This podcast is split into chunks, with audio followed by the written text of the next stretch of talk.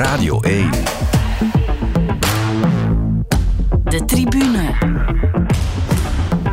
Jonathan Mettepenningen. Dag iedereen en welkom bij een nieuwe Champions League special van de tribune. De achtste finales hebben moi, geen grote verrassingen opgeleverd, of toch niet zoals de verhoudingen soms pijnlijk duidelijk werden.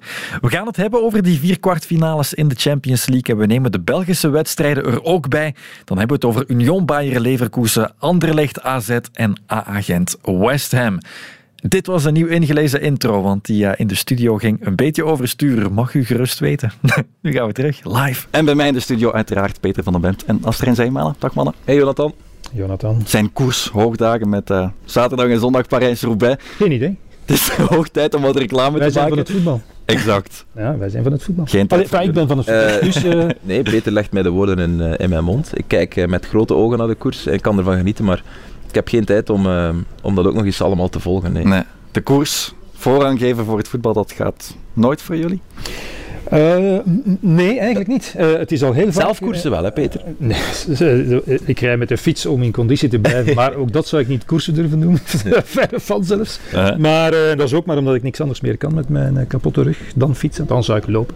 Ja. Maar het gebeurt zeer vaak dat het Ronde van Vlaanderen is of Parijs-Roubaix, dat ik bijvoorbeeld een avondwedstrijd heb of half zeven en dat ik thuis aan het werken ben en dat ja, de andere wedstrijd opstaat in plaats van de Ronde van Vlaanderen. Je moet Omdat, ja, dat is nu eenmaal mijn job en je, moet, je wordt ja, verwacht om daar iets over te zeggen en dus ja, ik zal je de anekdote vertellen van vorige week als we even tijd hebben. Namelijk Gert Verheijen, groot koersliefhebber en kenner overigens ook. Ja. En echt een coureur op de fiets. Ja. Mm-hmm. Die, uh, ja, we kwamen van Genk terug. Hè. We hadden de wedstrijd van, uh, van Genk gedaan. En uh, ja, rond een uur of vier. Maar Eupen Anderlecht ging beginnen. En het was ook de finale van de Ronde van Vlaanderen. Ai. Dus ja, Gert uh, wilde dan toch, ja, ik zei nee Gert, hè, neem je verantwoordelijkheid. Je moet morgen af bij Aster. In je moet Eupen Anderlecht gezien hebben. Ja. Dus hebben we toch... Uh, Niks mee gedaan overigens met Eupen Anderlecht. ja, compleet zinloos. Dus hebben we toch, ja, een, uh, toch een compromis gevonden, namelijk op de twee iPads. -huh. Ja, en dan Gert kon dan naar de koers kijken en ik moet toegeven, ik keek ook wel vaak net iets meer opzij en dan Eupen Anderlecht. Ja, voilà. ook, toch een regeling kunnen treffen. Ja. Maar het maakt dat we twee heel gefocuste analisten bij ons hebben. En dan neem ik aan ik ben dat zeker jullie... geen analist. Ik, nee, ik ben vandaag een beetje. Uh, ja. Voetballiefhebber, nee. dus ook goed. Ja. Ik neem aan dat jullie al die achtste finales tot in het kleinste detail bestudeerd hebben. Wat is voor jullie het moment van die achtste finales? Ja, ik vond dat ik al een beetje beperkt werd in mijn keuze om één moment uh, te kiezen, eerlijk gezegd. Dus gaan we daar niet aan. Oké. Okay. En ik heb, ik heb uh, als ik nu zeg, het moment uh-huh. is voor mij de terugkeer van, uh, van Real Madrid op Anfield. Ja. Allee, dat vond ik alles bij elkaar, wat mij betreft, het strafste wat ik in die achtste finales heb gezien. 2-0 Mhm. uh-huh. achterna, nou, wat was het, uh, 10 minuten. Uh-huh. En de manier waarop ze dan, oké, okay, met een beetje hulp van Allison natuurlijk, overwalsen, vijf doelpunten maken op die manier. Prachtige doelpunten ook. Ja, dan zeggen we, ah, het is lente. Real Madrid is weer daar. Ja. Onvoorstelbaar. Exact. Maar los daarvan uh, heb ik, heb ik uh, ja, drie fantastische doelpunten eigenlijk eruit gepikt. Uh, de eerste goal van mijn grote favoriet Rafa Silva tegen Club Brugge was ja. weergaloos. Snap ik. Pijnlijk voor Brugge supporters. Maar ja, maar ja, oké. Okay. Het doelpunt van Di Lorenzo. Ah nee, dat was mijn moment. Ah, excuus. Oh, excuus en, en ook de sprong, de sprong van Ossiman. Oh, ja. ja. Ja, ja, ja. Uh, Twee momenten. Ja, voor, voor de ene in de thuiswedstrijd tegen Frankfurt. Ja, dat waren toch wel uh, weergaloze doelpunten. Over naar Aster. Voilà. Ja, als Peter vier momenten pakt, is de kans groot dat mijn moment erin zit. Maar de actie van Kvaratskhelia. Voor mij is hij ja, het verhaal van het seizoen. Uh-huh. Net omdat, ik zal misschien eerst de actie beschrijven Ja, ja. voor zij die hem, hem niet gezien hebben. Hoge bal. Uh, hij controleert hem. Geweldige controle, maar ja, hij had hem toch niet helemaal onder controle. Want je zag dat hij initieel niet wist waar de bal zou eindigen. Het reactievermogen om dan heel snel te handelen en om te denken: ah, daar gaat de bal naartoe, ik loop erachter. En dan in zijn ogen had hij al Di Lorenzo zien lopen. Ik denk dat we dat doelpunt Ja, ja. doelen toch hè, tegen, tegen Frankfurt. En de wetenschap van, kijk, ik moet hem hier met een hak tot bij Di Lorenzo brengen. Maar een gewone hak is niet voldoende. Nee, ik moet hem hakken met de buitenkant van mijn hiel. Subliem. En in de loop van Di Lorenzo, die het goed afwerkt, die hem binnen paast eigenlijk, uh, in de verse hoek. Maar gewoon de figuur van, uh, ik dacht dat hij hier ging staan, Kvaratskhelia, maar Osimhen is misschien wel de figuur is van partner. Ja, snap ik, met al zijn doelpunten. maar toch, voor mij is hij... We zijn journalisten in moderne tijden en een van de jammere dingen vind ik dat we nog zelden verrast kunnen worden. Mhm. Hè, vroeger ik heb- laat me vertellen, kon je de tv aanzetten in de zomer. Ah, het is 2K. Amai, die linksbuiten van de Sovjet-Unie. Ja, ja, ja. Amai, die is geweldig. Wow, die heb ik nog nooit Dat zien is een spelen. grote ontdekkingstocht. Ja, dat- maar dat, dat leek me zalig. En dat kan nu niet meer, want elk talent staat al op YouTube en op Instagram nog voor hij zijn eerste profcontract heeft getekend. En bij deze Kvaratskhelia, ik wou weer naar Osimhen eh, wijzen, ehm, is, het, ehm, is het echt een verrassing. Ja. En, wow, ik had die niet gezien. Hij speelde bij, de ploeg alweer vergeten, Dynamo. Turobin of zoiets, uit, eh, uit Georgië. Hij was al ooit bij Rubin Kazan, maar een beetje geflopt. Mhm. Dat is nog eens een echte verrassing. Eh, ik weet niet of dat jij hem hebt zien spelen voor dit seizoen, maar Nee, nee, dat nee. nee absoluut niet het nee, geval. Ik had er bij wijze van spreken nog nooit over gehoord. Nee, Hij ik zat nog niet. goed verstopt en dan heeft het scoutingapparaat van Napoli Ja, heel mooi en, sorry, en dat in een wedstrijd waarin hij een penalty had gemist Ja, ook. ja. Dus dat was, hij was heel... Want eh, de- je kan penalties Ja, dat is missen waar. en missen. Ja, Het was trap, niet dat ja. hij nu geweldig slecht getrapt was. Ja. Alleen was het een geweldige parade van trap natuurlijk ook. Ja. Mhm. Dus ja, toch, eh, ook dat wil ik toch even onderstrepen. Ja. Maar het is waar. Dus daar had hij dan toch niet te veel last van. Coole kikker. Laten we beginnen bij die kwartfinales dan. Ik overloop ze nog eens. En Bayern München, Manchester City, Chelsea, Real Madrid, Inter, Benfica en Napoli, Milan. Ik stel voor dat we bij die eerste beginnen. Bayern München, Manchester City. Ja, en het De- leuke is, hè, eh, is- er is een, eh, een eh, pad des doods. Uh-huh. En er is een, eh, met alle respect gezegd, een Europa League pad. Hè? Dus Europa alle grote, nee, nee, maar dat is met veel respect gezegd. Maar ja, alle grote kanonnen die we elk jaar zien Ja. in de eindfase van de Champions League, zitten aan één kant. Mhm. Dat vind ik op zich toch geweldig. Vooral omdat ik uitkijk naar de overlevers aan de, aan de andere kant. Dus, dus eh, degene, die, degene die aan de rechtse kant, zal ik dan maar zeggen, daar uitkomt, Mhm. ja, die heeft wel een parcours afgelegd. En veronderstel dat het nu Bayern München zou zijn. Hè? Oh, Die hebben dan PSG, Man City en dan waarschijnlijk. Real Madrid waarschijnlijk uitgeschakeld om in de finale te staan. Ja, hallo. Zo Ja, dat is serieus. waar. Is wel wat. Ja, ja, ja. ja. En ook, het is inderdaad, zoals we vorig jaar ook blij waren dat er een Villarreal tot in de halve finales was Ja. geraakt, gaan we zeker een, een, een ploeg die we niet tot de allergrootste vier, vijf clubs behoren, eh, de Champions Maar het kan ook Napoli zijn. hè, dan. Ja, maar Denk Napoli vind ik wel van, die zijn nog nooit verder geraakt dan de kwartfinales van, Na- van de Champions League. Of Napoli of Benfica. En dat is nog anders dan Villarreal. Want Hmm. Villarreal heeft het toch op een, op een underdog manier Ja. gedaan. Zeer geapprecieerd. Ja. De manier waarop ze dat deden. En die thuiswedstrijd tegen Liverpool terugmatch in de halve finale was echt nog geweldig de eerste helft. Mhm. Maar ja, is toch op een underdog manier. Een beetje op een diefje op het einde naar Bayern München nog uitgeschakeld. Maar ja, deze niet tot op heden. Niet Benfica en niet Napoli. Die, die hebben, eh, hebben eh, ja, bij het beste voetbal gebracht dat in deze Champions League al gespeeld is. Mhm. Dus, dus ja, één van die twee, hè, we lopen op de zaken vooruit. In de finale. Waarom niet? Laten we beginnen bij dat pad dus doods. De Pep Guardiola derby, dus tussen Bayern München en City. Pep keer terug Ja. waar hij coach was tussen 2013 en 2016. Ja. Zit al veel langer bij City ondertussen. En Bayern, laten we daar beginnen, heeft een nieuwe coach. Een Champions League Ja, winnaar. maar, maar ook, dat, ook dat is volgens mij een unicum. Ja. Dat er tussen de achtste en de kwartfinale bij twee kwartfinalisten een nieuwe coach volgens mij. Dat is nog nooit gebeurd. Moeten we dat dat niet. Nee, dat is nog nooit gebeurd.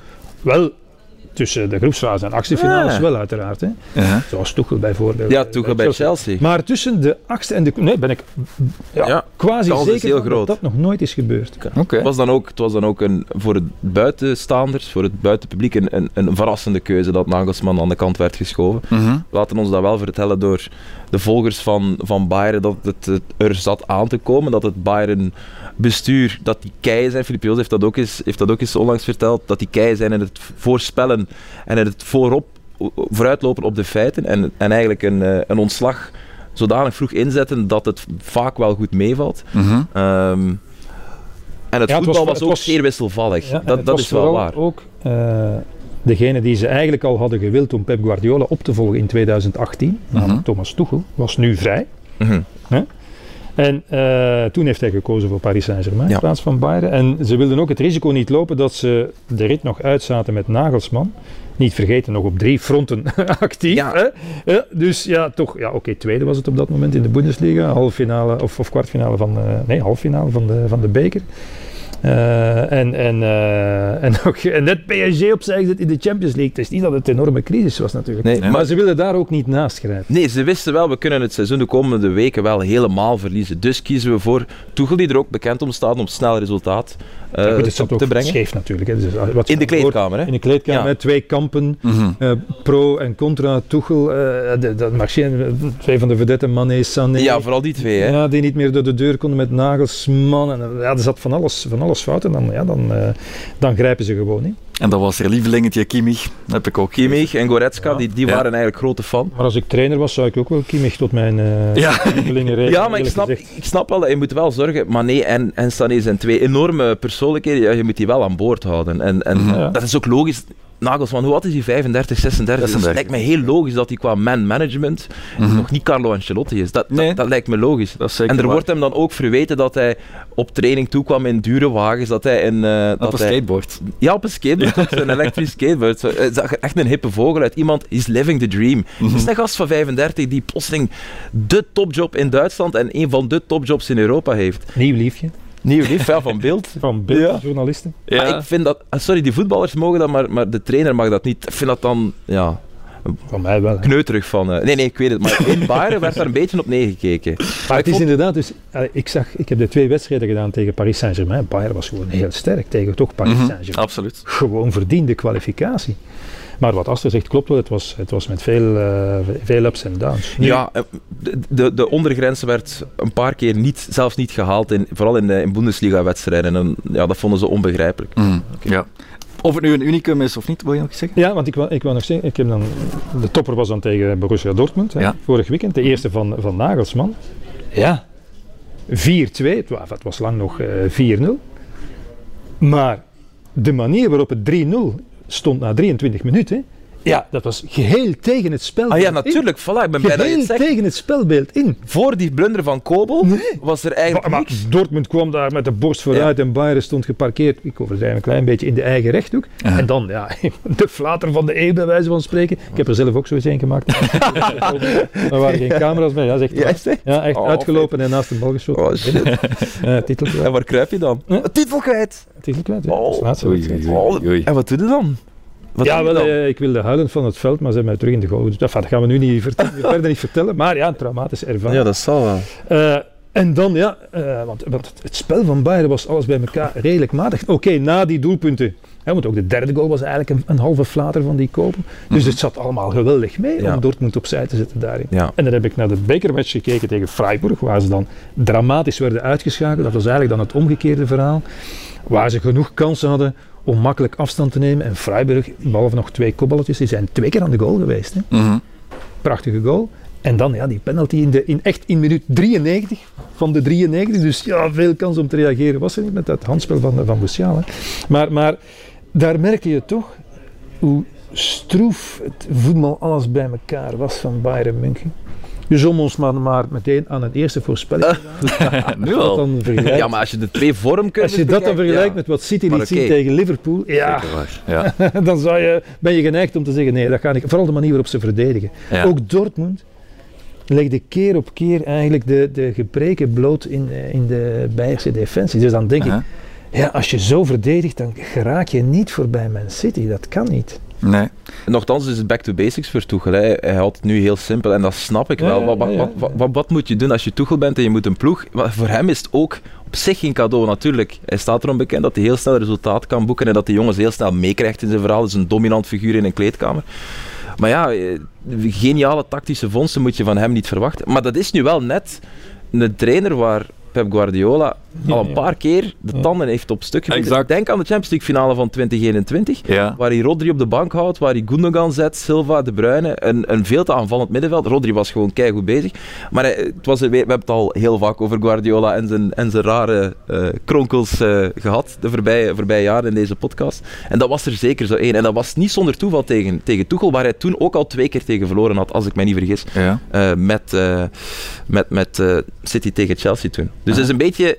Ja, dat is een trainer waar hij niet helemaal vat op heeft en waar hij een soort van bewijsdrang tegenover heeft, heb ik de indruk. ja, nog iets over Je Bayern. er dan is vooral, inderdaad er dan vooral eh, ja, zeg. Ja, zeg maar. teruggekeerd naar die 4-2-3-1, zoals gezegd.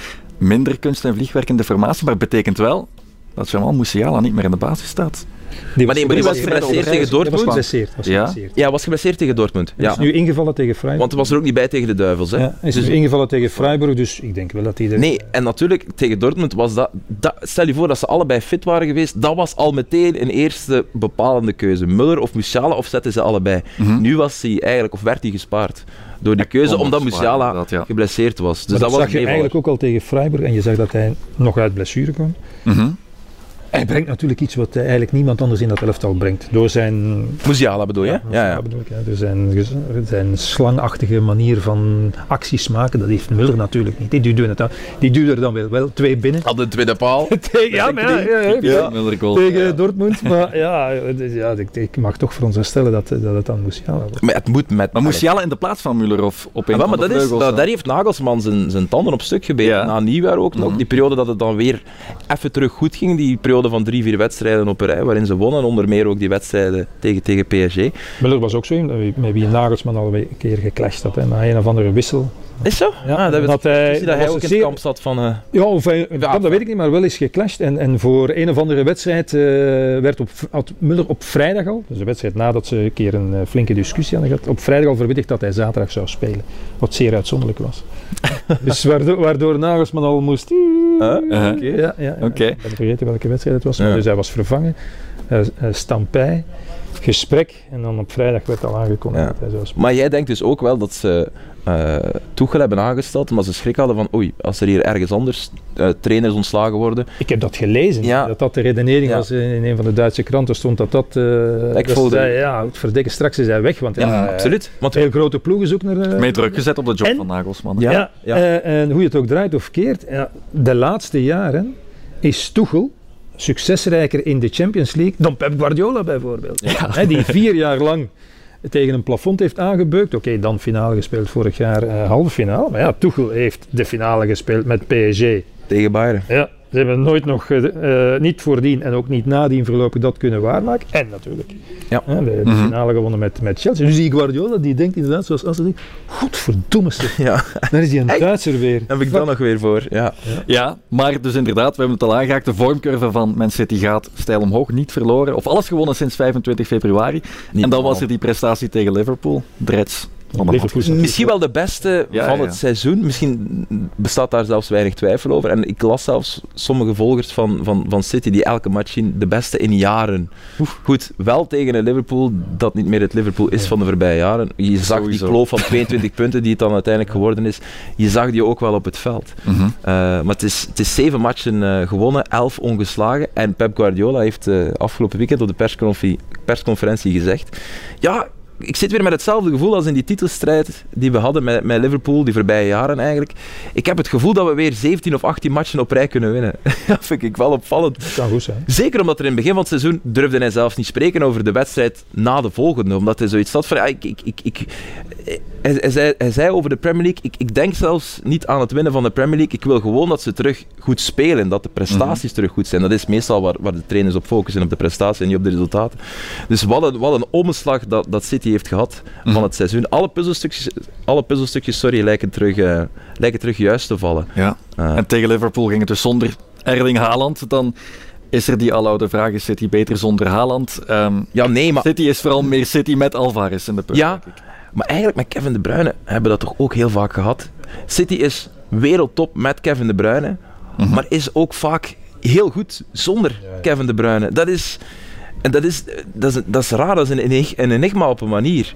Uh, en hetzelfde geldt voor, uh, voor Haaland en Alvarez. Alvarez die, ja, die echt goed was. Die inderdaad meer in en het samenspel Greenish, komt. Greenish ook. Ja, Gre- ja, heeft zijn opleiding aan de, de Pep uh, ja, Academie Ik heb de indruk, ja, want dat heeft toch redelijk lang geduurd voor 100 miljoen. Dus, uh, ja, maar, maar dat kan volledig nu. Dus, ja, ja, ja, maar dat, dat kan hij nooit aan doen natuurlijk. Je, je merkt het ook dat, uh, dat hij in alles uh, ja, zich veel beter thuis voelt. En ja, dan is hij natuurlijk toch een geweldige voetbal. Maar het was voor hem, het is echt de vrijbuiter. Hè. Grealish mocht bij, bij Aston Villa overal, behalve buiten de lijnen, mocht hij overal lopen.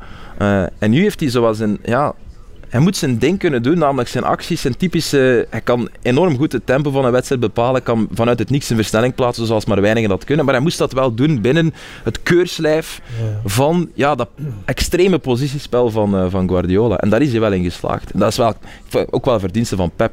Mhm. Dat hij zo'n Grealish toch mee aan het... Want Grealish vorig seizoen, bedoel, hij zat, zat bijna elke wedstrijd op de bank.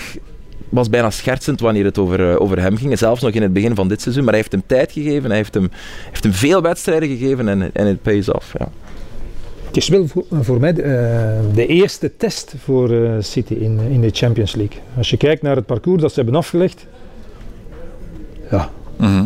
Ze zijn eigenlijk nog niet echt iets van, eh, van niveau tegengekomen. Hè. Dat is waar. Mensen zeiden, ik weet dat ze zeiden, oei, oei, ja, ze moeten oppassen na de 1-1 in Leipzig. Ja, pas op, pas op. Ja, Leipzig, ja, pas op. Ze waren zoveel beter in die wedstrijd. Het zat ook wel een beetje mee, Uh-huh. hè, met, eh, in, in beginfase en zo, maar, maar eh, eh, alles bij elkaar. Ja. Ederson mocht dan nog eens eh, komen uitlopen en eh, een klein foutje maken. Hè, Mhm. Waarvoor hij misschien had uitgesloten moeten worden. Ah. Maar, maar ja, met Bayern München komen ze nu echt de eerste tegenstander, met respect voor Leipzig, op, op Champions League niveau tegen. Dat vind ik nu wel. Ja. Maar nog eens, als je de voorbije weken kijkt en, en met Bayern ben je nooit klaar. Naar, Nee, wel. naar de, de vormcurve, ja, dan geef ik toch het grote voordeel aan, eh, aan City. En toch durf je niet, je durft er niet al je geld op zetten. Hè. Nee. En Coman was zo... Maar wel 90 van mijn 100 euro. Ja. Ah, ik vond Coman, Coman was zo goed. In- Altijd in een van de meest onderschatte spelers. Ja, was, van, was echt de beste man, vond ik, over die twee wedstrijden. Ik vond zelfs Upamecano, ik vond daar de defensie van Bayern wel goed. Maar vooral het verschil was toch die bank. We, we, we denken aan PSG, ah, die hebben het grote geld, dat is een, een sterren elftal. Ja, een elftal wel. Maar daarbuiten die bank? Ja, Ja. de bank is om te, dat zijn allemaal snotneuzen. hè. Ja. Dan heb je alle spelers eh, voorbereid en dan moet je ineens nog in het laatste uur van de wedstrijd nog een vier of vijf. Ja, ondertussen niet meer, want het zijn altijd dezelfde. Maar Ja. van die mannen wiens naam ik nu even niet kan reproduceren, jonge gasten van, van eh 17, 18 jaar, Ja. die nog, soms nog niet in het eerste Tikke, elftal tikke, tikke, tikke, tikke. Ja, die, maar die En speelt, Zaire, ja, ja, maar dat is geen uit de jeugd, die, die hebben ze. En Zaire, Zaire Ja, Emery. bijvoorbeeld. Die overigens een goeie. 16 jaar. Ja. Dat was een hele goeie. Zaire Emery. Die kan viel in. Ja, starten zelfs, denk ik, thuis tegen. Starten in Ja. de match, hè, ja. Starten, begonnen in de basis. De leuke vondst van eh, nee, dus eh, toch City. toch City. En met of zonder Haaland nu, want was je best fit, tegen denk ik Liverpool, toch? Hij is fit, maar zijn lies, ja. denk je nu, Alvarez heeft ons, is in vorm, was goed. dat kan niet. Hij heeft nog nooit Haaland op de bank gelaten zoals hij dat deed met Aguero bijvoorbeeld. Aguero was, ja, de, die moest het meteen voelen hè, in 2016. Een Mhm. grote match. Als hij het gevoel had, we, gaan, we spelen beter zonder echte spits, eh, liet hij Aguero op de bank. Eh, maar dat heeft hij met Haaland nog niet durven doen. En dat, ja, dat ik denk nogthans dat eh, die verdedigers van Bayern liever hebben dat Haaland speelt Denk je? dan Alvarez. Ja, ik denk dat wel. Kennen de verdedigers van Bayern hem? De licht heeft nog niet tegen hem gespeeld, of toch niet in de Bundesliga? Eh, dat weet ik niet of ze een. heeft- nee, hij was al weg zeker wel. toen de licht kwam, dus dat weet ik niet precies. Waarom denk je ja, zo- van de Upamecano's die denken ja, van, oké, ja, daar vlieg ik pak ik wel, ja. En die Alvarez overal eh, opduikt. Denk ik. Hè? Het zou kunnen, we zijn benieuwd. Laten we... En hij moet eh, zijn doelpunten nu ook maken eh, tegen andere ploegen dan Leipzig natuurlijk. In de Champions League. ja, maar ja. Ja, maar dat... Ja. Duitse ploegen. En moeten we het nog hebben over de wissel? Over het? Na de Robben-wissel is er nu toch de Haaland-wissel, of niet? Eh, wat bedoel je, op hetzelfde uur altijd? Of nee, Nee. de, de opvallende... Hij maakt vijf doelpunten in. Ah ja, maar, ja, maar ik snap Hij dat wel. staat op het punt Ik, om het weet record van Lionel Messi te verbreken. De Nee, maar dat, dat, boezemvriend dat weet hij niet toch? van Pep Guardiola. Nee, dat weet hij. En je haalt die eraf. Ik kan je zeggen, de dag nadien, in de immer eh 100% neutrale Madrileense krant Marca, daar schande over gesproken. Dat was de kop. Dat was de kop. Ja, dus vijf en eraf. Dus die hadden het onmiddellijk be- begrepen tussen aanhalingstekens. Heb je het interview met Haaland gezien bij eh, CBS achteraf? Nee, nee, was aan tafel bij Thierry Henry en Michael Richards en Jamie Carragher. En de vraag was, hoe voelt het nu vijf goals scoren? En- voor Proxima, dus ik keek. ja, nee, nee, dat- Ik kijk niet naar CBS. maar dat speelt rond op het internet en hij antwoordde gewoon heel droog aan Thierry Henry. Ik denk dat jij de enige bent die weet hoe dat voelt om te scoren. Niet zo grappig, vooral logisch, eh, maar het toont wel aan hoe, hoe nuchter en hoe kalm Maar denk je dat hij echt... op zo'n moment. En er is Zou Guardiola daar echt mee... Want hij, is- Ik denk, persoonlijk van niet. Nee, ik denk dat ook. En hij, en hij antwoordde met een kwinkslag. Hè. Hij Ja, van, eh, ja, maar hij moet, hij moet nog, toch nog iets hebben om voor te spelen eh, in de toekomst. Maar- nu al alle records Maar hoe je het ook draait of keert, Astrid, nog voor het uur eraf halen is wel heel vroeg. Ja, Dat je dat dan doet na 70 minuten, dat begrijp ik. En de andere switch krijgt er nog 20. Maar binnen het kwartier, De applauswissel op het uur. ja. Ja. Dat, is toch, dat is verdacht vroeg. Ja. Ja. Het voordeel voor City heb Het ik hier verdient gehoord. het onderzoek. 90 van de 100 euro's. Chelsea-Real Madrid dan. Nog een hele mooie affiche op papier. ja. Eentje die we vorig jaar natuurlijk ook in de kwartfinale zagen. Ik herinner me daar nog iets van, van die wedstrijd. Ja? ja. Van. Wat werd het toen? Ja, dat herinner ik me nog eens. dat was een van die eh, dolle wedstrijden. Ongelooflijk. Ja. Dus- Maar allebei, hè. Want ook op Chelsea. ja, ook op Chelsea, waar, waar Chelsea zeer Ja. goed was, maar toch met 1-3 verloor. Ja. Drie doelpunten hoor, Benzema van, van ook. Die ene... wie- En ja, die was het, wat was het? Die, die kopbal, denk ik? Twee kopballen, denk ik, op Chelsea. Weet je dat? Maar dat is echt, echt uit mijn blote hoofd nu. Hij kopt dan een bal binnen aan de linkerkant van tv. Ja, ja, zo. Dat Helemaal, ja, ja, ja. Niet normaal. En die eh, stond aan de grond. eh, En dan die terugwedstrijd, ja, 0-3. Ongelooflijk. 0-3.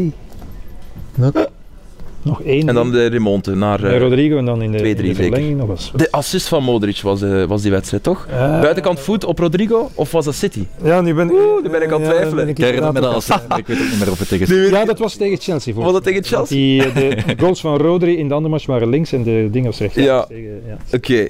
Dat is echt... eh, maar er zijn al zoveel... Het is al een, een effing WK gebeurd Het is, Ja, jaar- ja. het is nu derde jaar op rij dat ze tegen elkaar Ja, ook al. Daarvoor op weg naar de Tuchel. eindoverwinning met Tuchel was het eh, De eerste, ja. ja, ja. Vorig jaar... Corona. Ja. Chelsea. Vorig jaar was het ook nog met Tuchel. Nu niet meer met de coach die van hem overnam. Graham Potter is ook ontslagen. Ja. En dus inderdaad vervangen door de coach voor wie Tuchel in de plaats kwam.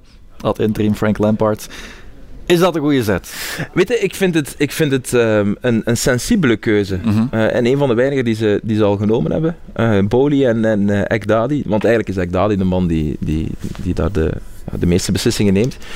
Ze hadden gekkere dingen kunnen beslissen. Als je dan toch beslist om Potter te ontslaan, ik vind de timing heel raar. Want ik vind dat daar weinig over gezegd wordt precies. Maar dat is toch raar om na twee weken eh, een internationale break te hebben waarin je sowieso alles evalueert en de nieuwe doelen voorop stelt. En uiteraard is de Champions League het hoofddoel nog van, van Chelsea. Want hoeveel punten staan ze achterop eh, de top 4? Ja, het, zijn er, eh, het zijn er een twaalftal, denk ik, of zoiets. Het is echt, het is echt een hele eind. Ehm, dus ik vond die timing raar. Mhm. Maar als je dan toch beslist om van manager te veranderen, ja, neem dan nu wel even de tijd dat die volgende zeker een schot in de roos is. Het seizoen, ze gaan niet lager zakken dan elfde, denk ik, waar ze nu staan. En ze gaan, er wordt ook niet verwacht dat ze de Champions League winnen. Dus eigenlijk is het een free hit Mhm. voor Frank Lampard. En wat heb je nodig? De- Pat Nevin zei het eh, onlangs op de BBC, en ik vond dat wel goed gezegd, dat was een geweldige eh, analist. Die zei van, kijk, eh, als ze als trainer om jou ontslag roepen, het publiek, dan zitten waarschijnlijk wel nog een paar weken safe. Beginnen ze zich te keren tegen het bestuur, dan lig je heel snel buiten. En dat was nu ook het geval. Ja. Boli en Ekdali hadden door van shit, de meute begint zich te keren tegen ons. Het is waarschijnlijk zinvol om nu een manager aan te stellen die de gemoederen Ja, bedaart. zeker Frank Lampard. Dat is waar. En iemand die, waar iedereen wel nog altijd fan van is, want ook al is de teneur hè, van zijn laatste maanden negatief bij, bij Chelsea, bij Everton was het vrijwel dit hele seizoen een, een, ramp, Ehm, die ligt wel nog altijd goed. En, en Tuchel lag ook heel goed. Dus ze hebben wel iets recht te zetten bij de supporters. En dat hebben ze nu gedaan met Lampard, die volgens mij dus niet kan verliezen. En ja, weet je... Wie weet heeft er wel een nieuw manager bounce en wie weet is er wel een anomalie tegen. Ik denk nu niet als je Nagelsman nu had gezet, de kans bestond ook, of Luis Enrique, dat het mislukt. En dan begint hij meteen met een smet op zijn blazoen aan zijn, aan zijn Chelsea-carrière. Dus ik vind het eh, ja, geen verkeerde keuze, denk ik. Alleen is Chelsea wel, wat hij zelf ook aangaf nu op de persconferenties, een heel andere club dan eh, die die hij destijds heeft gecoacht. Hè. Want wat, wat eh, Ja. Lampard... En ik, ik keek daar toen met veel plezier naar, moet ik zeggen. Want ik denk de allereerste wedstrijd die ik van Chelsea zag was de, de Supercup in, in Istanbul. Mhm. Finale van de Supercup, zo gezegd. Met allemaal jonge spelers. Want dat is wat Lampard toen heeft gedaan. Ze mochten geen transfers doen. Nee, hè, dat is misschien nog het mooie Ja. contrast. Die tra- Ja, transfer ja, ban met Eh, wat ze nu doen. ondertussen, ondertussen voor eh, 600 miljoen. Aha. En ze spelen met Abraham, met Tom Mori, met... eh, met eh, Tegen Sevilla. Was dat Sevilla? eh, Ja, hè? ja. ja, ja, die hadden toen de Europa League gewonnen Ja. van United. Dus eh, ja, dat was, dat was eigenlijk een heel leuk jong elftal. Mhm. En dat, heeft- dat is wat hij gedaan heeft. Veel, veel jonge spelers opgeleid. Dus nu komt hij wel in een totaal andere situatie terecht. Met al die dure spelers, al die vedetten. Een kern van 31 spelers. Ja, ja, ja.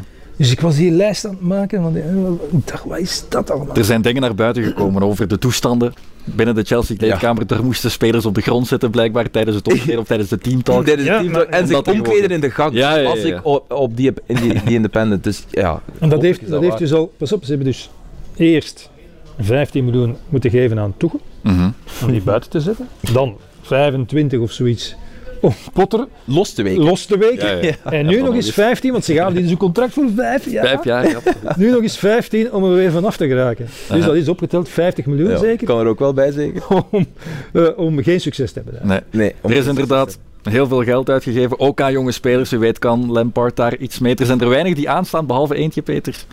Ja, eh, hij heeft ook zijn tijd nodig gehad, moet ik zeggen. Hè? En, en, Wacht, eh, wacht. en- Enzo Nee, Fernandes. Nee, En. Badiashile, maar Ja. Speelt ook niet veel mee. Ja, die zat op de bank tegen Aston Villa. Maar dat is En een van de beslissingen waardoor dat. Potter buiten ligt. Sorry, Mhm. vertel maar verder. Maar is die ook niet... eh, eh, Ze staat niet op de lijst. in Nee, dat net zeggen, ja, Ja. Maar staat niet op de lijst Ja, maar- Champions League. Ja. Dat is al een eerste fout natuurlijk. Dat was, de, ja, zwart. dat was uw beste man in januari. Ja, zeg maar. eh, Maar, maar eh, eh, eh, in principe, hè, Kanté kwam nu terug. Vind ik ongelooflijk belangrijk. Was eigenlijk al, oké, nog niet de top Kanté, maar was toch al een verschil, vond ik. heeft 33 minuten gespeeld onder Potter. Dat is toch Ja. zeer onfair voor hem. Dat is hun belangrijkste middenvelder en die speelt maar een half uur. Omdat hij geblesseerd was. Hè. Geblesseerd. Zwart, ja.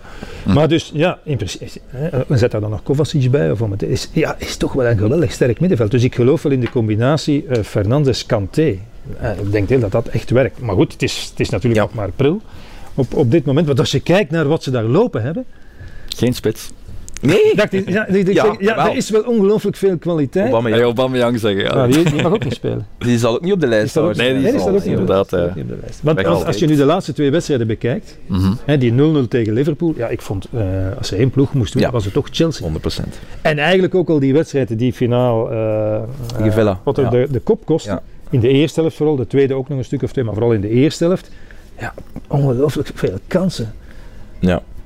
Naarmate de wedstrijd voor niet meer. Villa eigenlijk twee of drie keer ja, prijs. Dus dat zit in die periode natuurlijk. Maar ja, ze kunnen geen, ze kunnen geen doelpunt maken. Ik hoorde eh Filip Joos zeggen dat Chelsea ook de ploeg is die eh, het hoogst aantal passes nodig heeft om tot een ja. doelpoging te komen. Oké.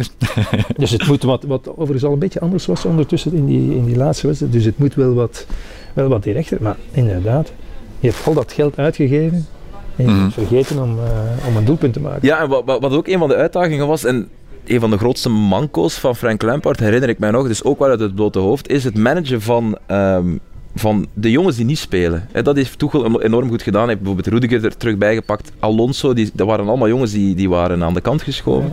Eh, en Lampard had moeite om... Hij, er, er was veel kritiek op het feit, Mount mocht altijd spelen, hij had zijn favorietjes. Hij, hij zwoer bij eh, één vast elftal. Ja, als hij dat toen al moeilijk vond om een brede kern te managen, er zijn er dus nog tien bijgekomen. Ze trainen soms met 40 man onder Potter. Ja. Dat is ongelooflijk. ja, dus dat wordt, dat wordt een, eh, een gigantische uitdaging. Daar zou hij eigenlijk al, maar dat is onmogelijk, eh, moeten in triëren. Hè. Dan zeggen met deze ga ik voort Ja. en die, eh, Maar ja, die 10 opgeteld eh, 900 miljoen waard, die ga ik niet meer gebruiken. ja, dat- Ja, krijg ze maar eens. En, en wat eh, ik ben benieuwd, want onder Lampard had je ook het, eh, was altijd wel spektakel. Hè? Ja. Veel scoren Mhm. en veel tegendoelpunten. ik las eh, denk ik vandaag in de, in de, in de, in de Times, denk ik, eh, ik denk 106 tegendoelpunten in, het, in 86 wedstrijden of zoiets. dus een mega en scores van 5-5. En, eh, Eh, beetje zoals Flick, maar dan zonder, het, eh, ja. zonder de vele goals in je eigen voordeel. Ja. Jammer.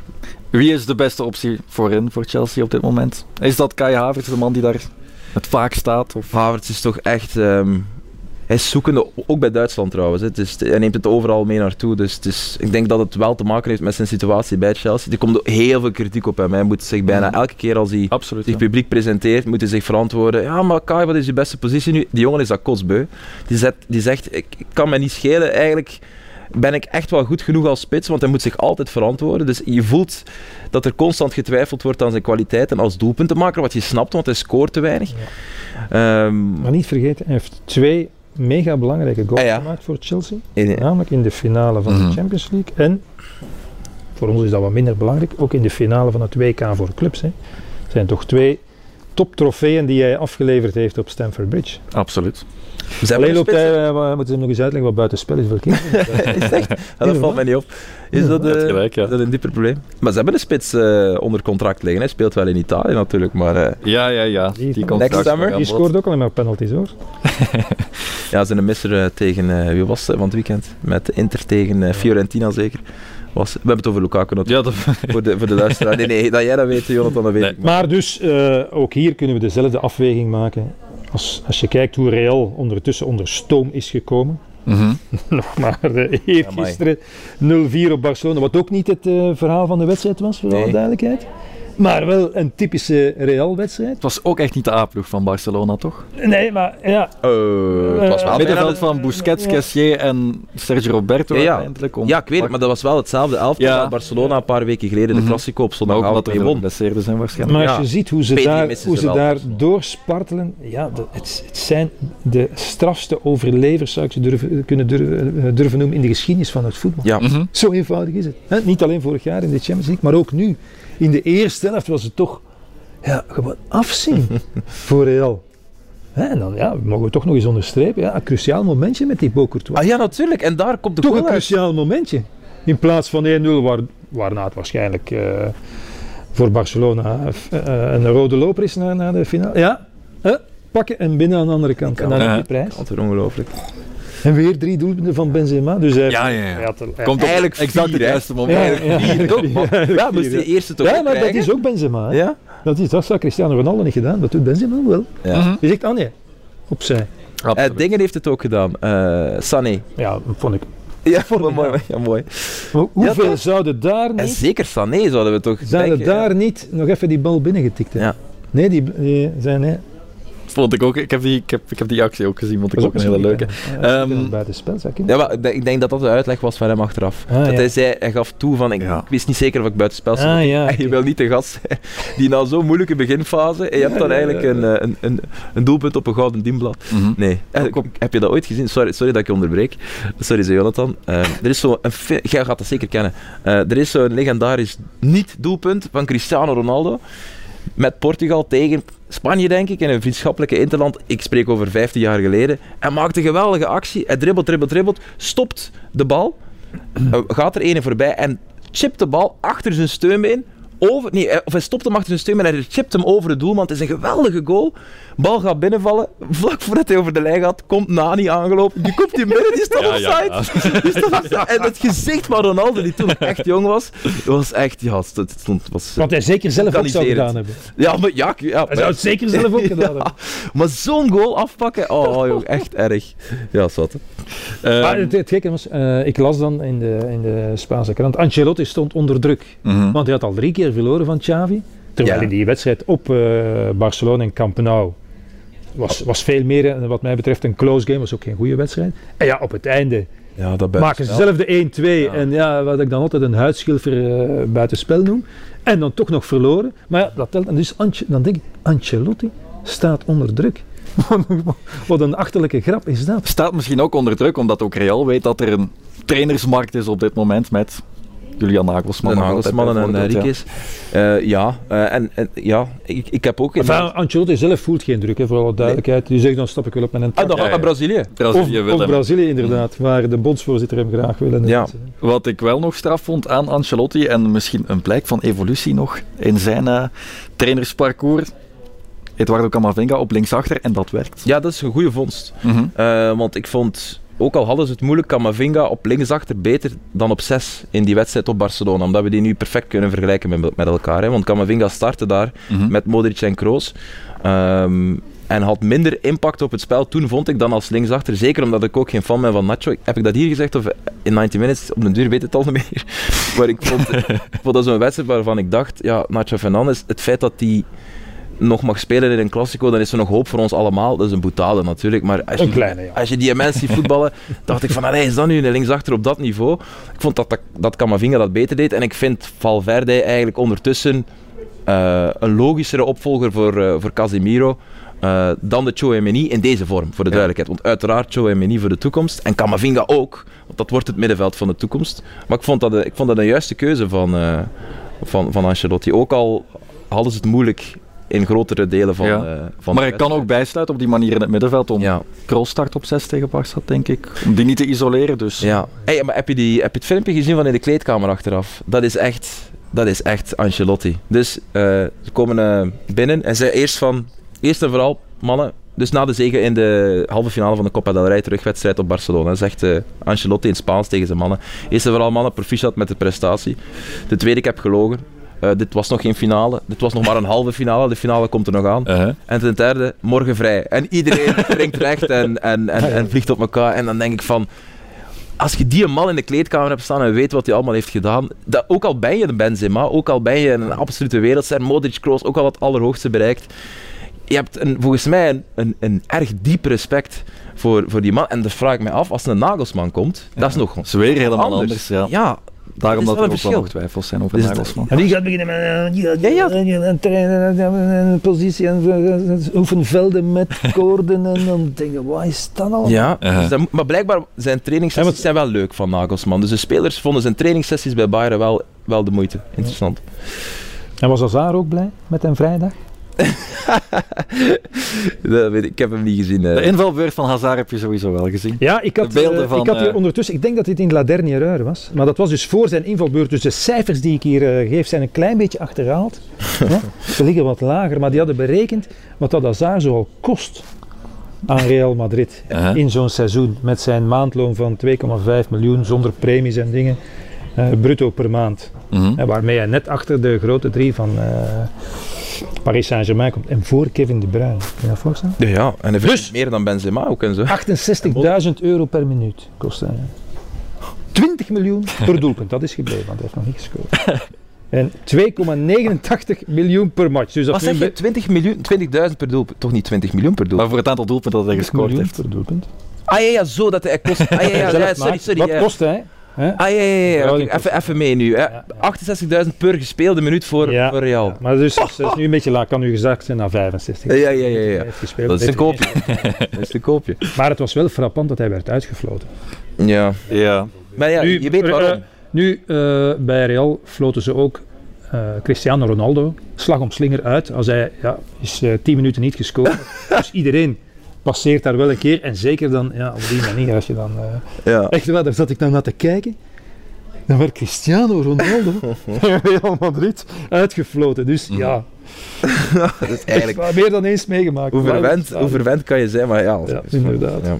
Hazard zal niet ja. spelen tegen Chelsea, denk ik. Ehm, Ja, Nee, eh ja. Ancelotti denkt er nog over na, maar het zou kunnen van niet. Maar ja, als, al, als Rodrigo ook al start hè, ja, en Valverde speelt op het middenveld, is er al ergens een plekje vrij, misschien Als tweede wie- invaller. Als je ziet wie hij de voorbije maanden heeft laten invallen, Mariano Diaz. terwijl er ook, Ja. die, noem ik Ja. er- die noem ik altijd, Mariano Diaz. Maar ja, Terwijl er veel mogelijkheden waren om daar dan, misschien niet als eerste, maar toch als tweede of derde invaller Hazard te brengen. Nee, zelfs in de finale van de Supercup in, eh, waar was het, ergens in het noorden, Helsinki denk ik, Mhm. ja, er vijf in. En ja, en nu Ceballos en Asensio hebben eh, al de Ja, ja, ja. voorkeur. dus nee. Nee. Mariano Diaz zat ook, is ook op de bank gebleven eh Ja. eergisteren. maar goed, Maar dus Real wel voordeel tegen Chelsea. En eh, het zou zomaar weer kunnen... ja, dat zou gek zijn dat- om iets tegen dat te beweren. Nee, nee, nee. Ja. nee, nee. Een koe vangt altijd wel een keer een haas. Dus daarom, maar hier zet ik toch 99 van mijn 100 euro in op, Alleen ja. nog, één, nog 1 euro hou ik over. Maar ik wil, eh, Het Lampard-effect. ja, wat wil ik nu nog zeggen over... eh, ja, het zou dus zomaar kunnen dat Real Madrid eh, de volledige top van de Premier League oprolt. Enfin, Chelsea is nu niet top, maar Mhm. het zou geweldig zijn. Hè? Dat ze, Liverpool, dat ze gedeclasseerd. echt Chelsea. Liverpool pakken. City. Eh, oh, sorry, eh, Chelsea en dan eventueel City. Ja, en Tottenham hadden ze ook wel vermorzeld, denk ik, mochten ze die onderweg zijn tegengekomen. Dus dan heb je de ploegen van, eh, van Engeland in de Champions League. En de top speelt inderdaad nog geen. Dus Real City, halve finale. Wat zeg je? Real City, halve finale. Voilà. Geweldig. Meteen meegegeven. Ja, pas op. Ja, dat is wel, ja. volgende kwartfinale. Ja, ja, ja, ja, uiteraard, want we kunnen blijven. Enfin, Benfica. Inter, de Club Brugge killers tegen de ploeg van Romelu Lukaku. Het was niet spannend tussen Benfica en eh Club Brugge. 7-1 over twee wedstrijden. Hoeveel wedstrijden heeft eh, Benfica verloren in de competitie? Dan komt die één. Eentje. Maar dat is al geleden van eh, toen ik nog meer haar had. Hè. Gaat het zo snel, Peter? Ja, ja. Zeer lang geleden. Ja. Ik heb nu, want ik, ik geef toe, ik heb nu sinds de wedstrijd tegen Brugge geen wedstrijden meer bekeken van, eh, van eh, Benfica. Ja, maar dat is niet nodig, denk ik. maar eh, ze hebben ze wel allemaal gewoon ja, gewonnen. ja, ja. Die drie, denk ik, die het Mhm. waren. 14 Dus na de, de 16 laatste gewonnen. nederlaag, eh, het was 30 december tegen Braga. Een beetje een, een bijt noir, hè, want die hebben ze ook in de, in de beker uitgeschakeld. En nadien 11 overwinningen in 12 wedstrijden, alles opgeteld. Eh, Champions League. En 9 keer de 0 heb ik, eh, Ook een 2-2 tegen Sporting. Voilà. Vanavond topper tegen eh, Porto. Aha, We leuk. staan op 10 punten, dus ja, zelfs in Ja, maar is, is niet. Toch een topper. Maar, maar ehm, en oké, Club Brugge was drie maten te klein eh, voor, voor Benfica. Hè. Dus degene die zeiden, ah, dat valt nog mee, de loting. Want dat is, niet City of Bayern. Ja, Ja, maar ja, oké. die weten het nu ook. Mhm. En, en eh, Die weten het niet, hoor. Eh, ik, heb, ik heb de wedstrijden van Inter ook gedaan tegen Porto. En normaal gezien moet Inter altijd uitgeschakeld worden. Zeker in die terugwedstrijd. Zeker in de terugwedstrijd. En, en het viel mee in de heenwedstrijd dat er dan een rode kaart Ja. viel, waardoor ze dan een mooie goal van Lukaku nog het verschil. Maar zeker in die terugwedstrijd. Eh, het, eh, overigens een, een draak van een wedstrijd. Mhm. Een draak van Ja, een dat is- en ik zijn twee dagen in behandeling geweest. Want we hadden ook al eh, Real Chelsea gedaan. Ja, dat was ook niet geweldig, die terugwedstrijd. Real, nee, nee. Real Liverpool. ja. Dus dat was ook niet geweldig. Mhm. ja Maar- maar- Ja, eh, de, de kwaliteit, en ik zeg het nog eens, nu ga ik af op de, de resultaten, want ik heb ze niet meer zien spelen, maar ik, ik zie dat Ramos eh, blijft scoren. Iedereen is fit. Dus ze zitten in een geweldige flow. En ik zie geen enkele reden, behalve dat Inter wel eens vervelend kan zijn, waarom het Inter dat vandaag de dag toch op apengapen ligt. Mooi hoor, in de, in de Serie er wel A. een paar wedstrijden nog van, van bekeken. Ja, allee, ik bedoel, Mhm. Ze hebben, ze hebben, ik heb het hier opgeschreven, ze verloren van Spezia, Bologna. Drie keer niet gescoord, drie doelpunten gemaakt in een wedstrijd of, of vijf. Penalty, En is dat dan 53. bij? Ja, dus ik wil maar zeggen. Dat is, het, dat is de vraag van dit seizoen. Hoe, hoe het komt dat Inter zo ver is geraakt in, in de Champions League. Zie die, die spelen ook in de Het Champions geldt voor de twee Dat ploegen die uit Milaan overigens. Hè. Sorry, dat die uit die groepsfase zijn geraakt ook. Ja, dat ja, maar dat heeft om- ook door omstandigheden. door het scheidsrechterlijke dwaling door, en zo te schijn- maken. ja, Ah, tegen Barcelona. Hè. Dat die hebben ze wel opzij gezet, maar goed, de manier waarop is toch. Mm. eh, Barcelona had daar eh, de kwalificatie verdiend. Als je die Ja. wedstrijd maar hebt. het is natuurlijk wel, allee, eh, het is wel een historisch moment voor, eh, Benfica. voor Benfica ook. Hoe ver zijn zij al? Want ja, de vloek, gaan we die nog eens... Het verhaal nog eens Ja, ja. Dus voor de finale, die hou ik voor de finale, Ja, ja, ja. zal ik die nog eens... eh, Ja. Maar, maar eh, nee, nee, voor Benfica, vergeet, niet vergeten, want het is natuurlijk uit de pruimentijd, daarom weten we het niet meer, maar hij heeft zeven finales bij de landskampioenen gespeeld. Hè? Ja, oké. Mhm. Zeven finales. In Europa En de laatste eh Europa Cup 1, Ja, ja, ja. landskampioen. Dus de laatste keer dat ze gewonnen hebben is eh, van 62, waarna de heer Goedman zijn eh Ja. vloek uitsprak en er nog eh, vijf zijn gevolgd, denk ik. En de laatste was in 1990 tegen Milan. Oké, in die tijd van Milan kan je wel eens toen was verliezen. Eriksson nog, eh, nog trainer. Dus, eh, maar maar eh, ze hebben nog nooit halve finale gespeeld van eh, de echte Champions League. Nee. Maar Benfica Milan zou opnieuw kunnen. In die halve finale. Overigens, de finale in 65 was ook tegen Inter. Oké. In San Siro. Ja. Wat kan je nog vertellen over die wedstrijd? Eh, dat, eh, eh, eh, wacht, hoe heet hem weer? Eh, Jair gescoord heeft. Oké. Jair. Jair. Ja. Jair, Jairzinho of nee? Nee, nee, Jair. Jair. Jair, ja. Dat Dat was was ook maar omdat ik het vanmorgen heb opgezocht. Ja, ja, ja. dus Maar je hebt het wel onthouden. Dat is het. ja, ik heb het, ja, het Dus Maar- hier maar, Benfica, de- ja, prognose, want we zijn er nu al op. ja, dus van mijn 100 euro zet ik hier 120 euro. Oké. Benfica. Ja. En ik zou zeggen, en ik excuseer mij bij alle Interfans, maar niet van harte. Ja, we willen toch dat Benfica in de halve finale staat. Op basis van het spektakel, de gele- het geleverde spel, de kwaliteit van het voetbal. En het Inter van, van twee seizoenen geleden, het kampioen, mocht voor mij ook. Mhm. Maar dit Inter heeft mij, heeft mij nog niet kunnen bekoren. Ik vond ze in die wedstrijden tegen Barcelona nog wel redelijk goed spelen. Dat was nog oké nog. Maar door omstandigheden dan eh, ook Ja, met geluk gewonnen. kwam ook in een betere periode in het seizoen. Ja, er was een, periode van een maand waarin ze, dankzij het Europese voetbal, ook in de competitie, een paar, Ja. ik herinner me die match tegen Fiorentina, denk ik, 4-5 winnen ze die of 3-4. Maar ik, ik wil zeggen, ja, voor. Inter is het ook twaalf jaar geleden. Hè, ze nog eens eh, kwartfinale hebben gespeeld van, van de Champions League. Want we zitten nu met, eh, en dat had ik toen opgezocht, of gelezen, we zitten met drie eh, vertegenwoordigers uit de Serie A in de kwartfinale van de Champions League. Is geleden van 2006. Ja. Toen was Italië Ja, ja. een toonaangevend eh voetballand spelen. Voortdurend finales met Milan, met, eh, vooral met Milan, Juve, Inter en zo verder. Ja, nu zouden we kunnen denken, ah, eh, Het is weer zover. de Serie A is terug, maar als je kijkt naar, niet Napoli, heb ik al gezegd, maar kijk naar, naar hoe eh, Milan eh, en, en eh, Inter in de kwartfinales zijn geraakt. Joh. Ja, klopt. En het blijft wel fascinerend en, en ongelooflijk boeiend aan de Champions League dat hè, de sterkste en de meest rijke clubs eh, namelijk de Premier League clubs, dat die Mhm. dan toch niet, of PSG bijvoorbeeld, dat die dan toch niet elk jaar die finale spelen. Dus er is een soort van onvoorspelbaarheid. En we hebben dat vorig jaar toegerecht, zoals ik daarnet zei met Villarreal. We hebben dat ook nu weer. Ehm, dus eigenlijk is dat toch een format dat werkt. Hè? Champions League Is dat toch... het gaan afschaffen? Ja, inderdaad, dat was mijn punt. Maar eh, ja, ehm, ik weet niet meer wat ik er nog aan kan toevoegen. Ehm, laat ons doorgaan naar eh, Milan tegen Napoli. Voilà, want zo is er dus één Italiaanse Ja. ploeg in die halve finale. Is dat een Ah ja, vloek wacht, of wacht. een Sorry, zege? eh, sorry, ik ben nu weer aan het onderbreken. Mag ik nog één ding zeggen? Ja. Het enige scenario waar ik wel voor zou tekenen, want ik, ik, ik, ik volg je, Benfica mag van mij los halve finale. Nee, maar ik luister niet naar het scenario Is- zonder Benfica. Je moet Ja, wel, ja. vertellen. Als Romelu Lukaku zich, eh, zich als leeftijdsgenoot en als bijna 30-jarige... Is hij ondertussen al 30? Nee, dat is in mei pas zeker dat hij 30 wordt. Ja, Lukaku verjaardt in mei, denk ik. Dat weet ik. Ja, dat weet ik wel, omdat ik ook van 93 ben. Uitgenodigd Eh, maar eh, ik, verjaardag. hoop, ik hoop dat hij ja, zijn, zijn carrière daar opnieuw kan herlanceren, want dat zou het wel zijn natuurlijk. Nu twee knalprestaties, op zijn minst één, Mhm. tegen Benfica. En op die manier Inter naar de halve finale sleuren. Zou je daar ook niet voor? Ben je dan? Ja, maar voor mij mag dat. Ja. Maar nu niet. Nou. nee, nee, oké. Geen probleem. Nog even. Romelu, En- Romelu kijkt ook naar de podcast. eh, en noteert. Maar eh, eh, Romelu weet of zou moeten weten dat ik hem een warm hart toedraag. Ja. En helemaal niet meega in eh, alle... Elke keer dat hij wordt, eh, wordt afgebrand. En nog eens, hij heeft, hij heeft ervoor gezorgd dat ze Ja, daar ja, staan. klopt. Met dat doelpunt. Hè. Dat heeft hen 20 miljoen opgeleverd, las ik. Is echt? Die, die Oh, kwalificatie dat is voor de... Dus ja, eh, dan heeft hij toch wel wat terugverdiend van die, dat vele geld dat ze voor hem hebben betaald. Maar ja, eh, kijk die misser. Tegen Fiorentina was het denk ik. Ja, nee, ja. Tegen Ja. Fiorentina, klopt. Als hij een rood shirt aan heeft, is het altijd prijs.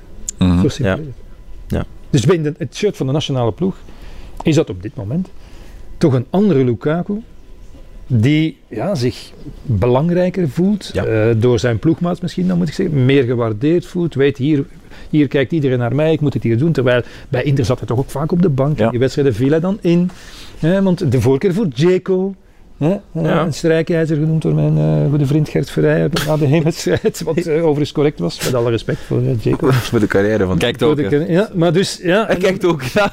dus dan denk ik, ja, dus 100% zeker legt hij die erin.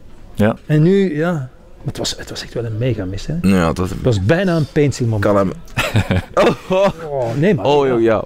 ja, toch. Ja, dat was... Ja. Dat is echt wel heel erg.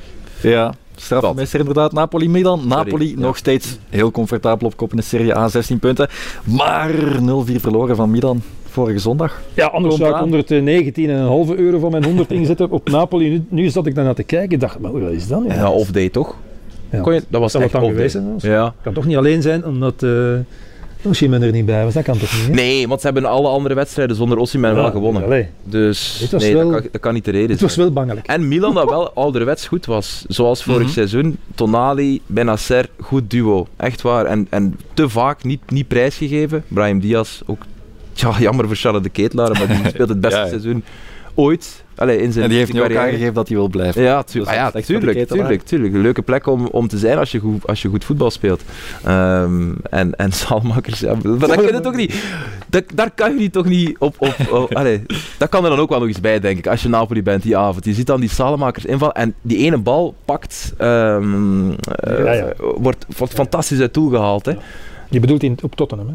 Nee, nee, nee. Ah, sorry, nee, nee, excuus. sorry. Van Ah. Salemakers eh, in die tweede helft, nu tegen, eh, zondagavond eh, in, in Napoli-Milan, die actie die hij daar maakt. Dus Ja, hij, ja. maakt hij scoort een Dus geweldige goal, maar de niet-goal, Mhm. ja, hallo, die had ook gepast. En dat was echt jammer dat die er niet in ging. Het was de nog mooiere actie, Ja? vond ik ook. Maar, maar eh, ik heb de wedstrijden tegen Tottenham niet gezien, maar eh, Van Milan. Eh, Gert en ik zaten samen, samen in therapie na onze slechte wedstrijd met de commentatoren van Tottenham Ja, eh, Milan, want dat moet nog erger geweest. ja eh, dat was eh, Nicola de Brabander. Ja, ik, ik- ik, belde hem eh, ik keek naar de samenvatting en, eh, die je op de UEFA zo kan kijken. En eh, eh, er waren twee, twee doel, doelpogingen, uh-huh. tot dan helemaal op het einde. Hè, de, de Ja, dat was één van- minuut match. de- ja. de- En dan de nog. save van Mignon en dan Ja, Origi, ja. tegen de paal. Maar dat moet, dat moet, echt, moet echt niet te doen geweest. Het was wraakroepend. Het was, het was eigenlijk gewoon een, een ontslagbrief van, van Conte. Het was een verzoek tot ontslag van Conte. Eh, en, en is ondertussen ook weg natuurlijk. Hè, want de echte smeekbede die kwam daarna natuurlijk op Southampton, waar hij echt wel zei van mannen, hallo, ik zit hier, maar kunnen me alsjeblieft buiten smijten. Ehm, Die wedstrijd was een voorbode daarvan. Tottenham Milan- weigerde te voetballen. Milan is ook niks, nog niks tegengekomen in de Champions League. Hè? Enfin, Chelsea, maar daar hebben ze dan twee keer van, eh, van verloren. Wat is dat dan? Salzburg en Dynamo Zagreb. Ja, dat kunnen wij ook nog niet een goede dag. En dan, dan Tottenham. Dus ja, dit is nu de eerste eh, eigenlijk echt, eh, echt zware tegenstander. En nog eens, voor, voor zondag zou ik zeker ja. Vergeten. En eigenlijk nog altijd nu, maar ja. Daar ja, ik ben er zelf ook een beetje van geschrokken. Ja, ja, ja. Niet zo 1-2 met een uh, hensbal in de 94e minuut. Nee, toch, toch gewoon 0-4. Maar ook Peter, want de match op Milan ook, eh, wint Napoli. Ehm, maar Filip had mij verteld dat dat de wedstrijd was waarin eh, Milan eh, ah, echt wat beter was. Ah, en eigenlijk was dat een heel gevleide overwinning van, van Napoli. Ik heb je weer onderbroken, denk ik. Maar je komt er alles zo tussen, joh. Voor Milan is, is, het geleden van 2011, dat ze nog eens in de kwartfinale stonden. Dus ja, het is een soort... ze willen het jaar van de, het jaar van de comebacks. Ja. ja. ja. Salemakers deed Kvaratskhelia verbleken. Aan de andere kant laten we Rafael jou ook niet vergeten. De grote man. Ja bij eh, Milan. Dat eerste doelpunt was trouwens ook prachtig. Ja, prachtig. ja. Een van de allerbeste Ja. aanvallers in de wereld. Hey, en dat kan volgens mij wel een verschil maken. Zeker voor hemzelf, maar ook binnen, ehm, binnen de kern. Hij is sowieso de belangrijkste man bij Milan en hij heeft zijn contract. Hij heeft een verbal agreement, Ja. zag ik vandaag. Komt eraan. En we weten allemaal, want dat een, een, een mondeling akkoord is even goed als een schriftelijk akkoord. In het Belgisch recht toch? Ik weet niet of dat dat in Italië zit, maar ik vermoed dat dat daar ook wel enige waarde heeft. Mondeling akkoord is even goed. Ja. Ja, is even bindend als een schriftelijk. Het is minder falsif- falsifieerbaar voor een rechtbank. En hoeveel mensen moeten daarbij zijn? Ja, Ik zeg niet, tegen dat is het jou- probleem dat je dat moeilijk... Ik ja, zeg tegen jou, we is gaan moeilijk. akkoord. Ja. En dan zeg je, ah, je hebt het gisteren gezegd. eh, Ja, en als jij dat ontkent, ja, Ja. dan, dan, dan doe jij natuurlijk iets illegaal. ja, maar jij Het probleem kan ook, is... jij kan ook mijn eh, ja-woord uitvinden. Ja, natuurlijk, maar dat is ook iets illegaal wat ik doe Ja, natuurlijk. ja, maar wie bepaalt dan wie illegaal Maar dat is, voilà, op, op, op het moment dat het bewezen moet worden voor de rechtbank, zit je Ah, ja, met het een is probleem. dat, ah, is dat. Maar natuurlijk, puur volgens de rechtstheorie is een moment dat, dat ik zeg, ga weer mee akkoord, en jij zegt van ja, ernstige mensen onder elkaar is dat ook zo. Ja, inderdaad. Dus, eh, Dit is pas een goede maar, voetbaldiscussie. maar ja, eh, we zijn hier in het voetbal. Ik heb ooit nog rechten gestudeerd en ik heb er ooit nog iets van, eh, ja, van onthouden. Ehm, dus volgens mij kan dat wel een, een, een kleedkamer ehm, op een manier een extra boost geven. Dus ze hebben toch twee boostjes gehad bij Milan die voor een misschien onvoorspelbaar resultaat kunnen zorgen. Ja. Ja. Aan de andere kant, er zou blijkbaar een wonder nodig zijn om Osimhen op tijd klaar te krijgen voor die heenmatch tegen Ja. Milan, zegt de Italiaanse Ah ja. Hoe groot is dat gemis? Want Simeone en Raspadori, dat zijn goede spitsen. Osimhen is een wereldspits. Ja, maar wonderwel lukte dat eigenlijk wel. Als je nu kijkt naar de match van zondag, kan je inderdaad 15 conclusies maken op basis van die 90 minuten. Volgens mij moet je dat ook niet, niet doen, want dat gebeurt iets te rap in het voetbal, heb ik soms de indruk. Ehm, en ik vind vaak, Simeone en Raspadori waren, zeker Simeone vond ik, Ja, Simeone. ja, echt een goede, Ja. echt een goede vervanger. Vult dat in op zijn manier, is, Maar ja, is het is niet, houteriger het is blokken. niet hè. Is- Ik bedoel, ook voor ja, de tegenstander is dat... Ja, tuurlijk. het is dat, hè. Ook voor de tegenstander is dat natuurlijk.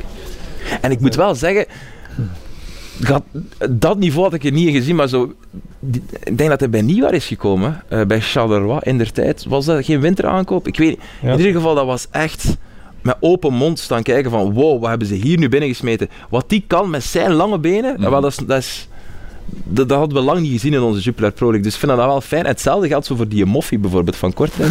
Er zijn heel veel jongens die, die gedropt worden in onze competitie en die dan toch een eh, mooie carrière blijken te maken.